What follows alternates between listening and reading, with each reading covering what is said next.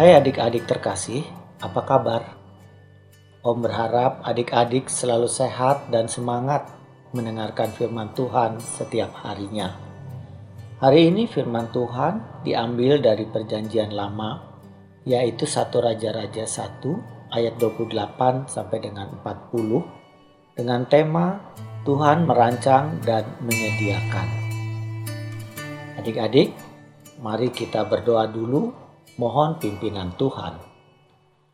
Tuhan, kami mengucap syukur atas kebaikan dan cinta kasih Tuhan kepada kami. Tuhan, kami mau mendengarkan dan merenungkan firman Tuhan. Bantu kami untuk mengerti firman-Mu. Dalam nama Tuhan Yesus kami berdoa. Amin. 1 Raja-Raja 1 ayat 28 sampai dengan 40. Lalu Raja Daud menjawab katanya, Panggillah Betseba. Perempuan itu masuk menghadap raja dan berdiri di depannya.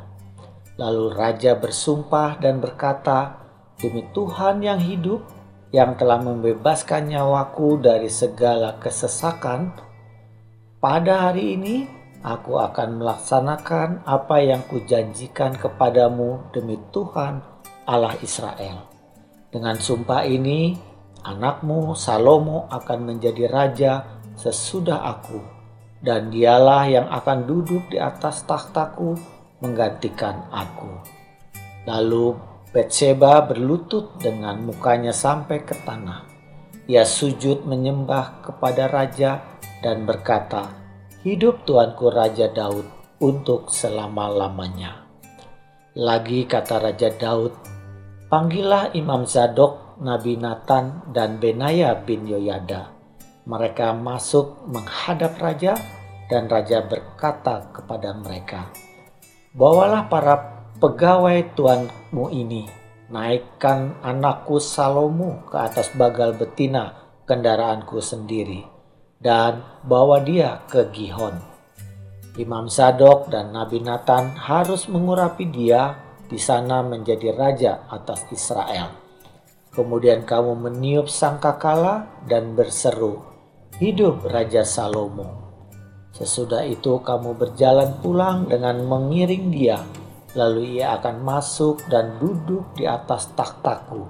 Sebab dialah yang harus naik takhta menggantikan aku, dan dialah yang kutunjuk menjadi raja atas Israel dan Yehuda. Lalu Benaya bin Yoyada menjawab raja, Amin, demikianlah kiranya Tuhan Allah Tuanku Raja. Seperti Tuhan menyertai Tuanku Raja, demikianlah kiranya ia menyertai Salomo. Semoga ia membuat tahta Salomo lebih agung dari tahta Tuanku Raja Daud. Lalu pergilah Imam Zadok, Nabi Nathan, dan Benaya bin Yoyada dengan orang Kreti dan orang Pleti, mereka menaikkan Salomo ke atas bagal betina Raja Daud dan membawanya ke Gihon.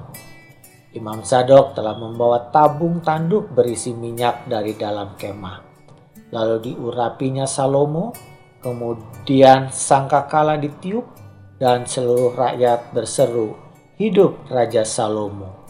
Sesudah itu seluruh rakyat berjalan di belakangnya sambil membunyikan suling dan sambil bersukaria sampai seakan-akan bumi terbelah oleh suara mereka. Demikianlah firman Tuhan. Tuhan merancang dan menyediakan. Satu Raja-Raja 1 ayat 28 sampai dengan 40. Anak-anak Daud saling berebut kekuasaan untuk menggantikan ayahnya sebagai raja. Setelah Absalom mati, kini Adonai yang berusaha ingin menjadi raja menggantikan ayahnya. Dia mengangkat dirinya sebagai raja tanpa diketahui oleh Daud, ayahnya, dan tanpa diurapi oleh imam yang bertugas mengurapi seorang raja. Dengan keyakinannya sendiri, anak-anak Daud merasa mampu untuk menjadi raja Ternyata Daud justru memilih Salomo sebagai penggantinya.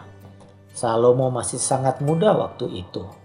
Daud memerintahkan Imam Zadok, Nabi Nathan, dan Benaya untuk melakukan upacara pengurapan dan mengumumkan ke masyarakat bahwa Salomo adalah Raja Israel menggantikan Daud yang telah tua dan sakit.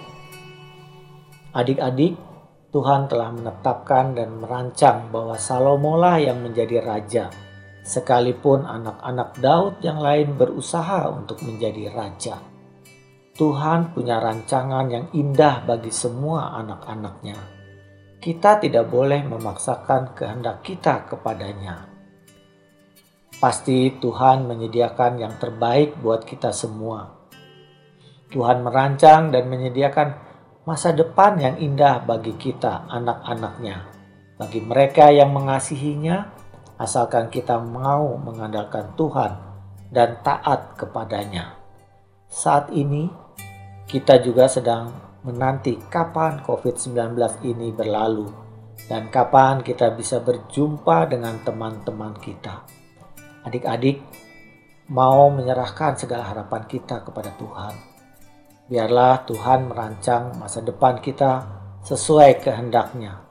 Kita percaya rancangan dan kehendaknya yang terbaik. Adik-adik, yuk kita katakan dan kita ingat selalu Tuhan menyediakan rancangan yang indah bagi yang mengasihinya. Kita berdoa. Bapa di surga, terima kasih atas rancanganmu dalam kehidupan kami. Meskipun kami belum tahu apa rancangan Tuhan kepada kami saat ini, mampukan kami agar terus mengandalkan Tuhan dan taat kepadamu. Terima kasih Tuhan, dalam nama Tuhan Yesus. Amin. Demikianlah renungan hari ini. Tuhan Yesus memberkati kita semua. Sampai bertemu besok adik-adik.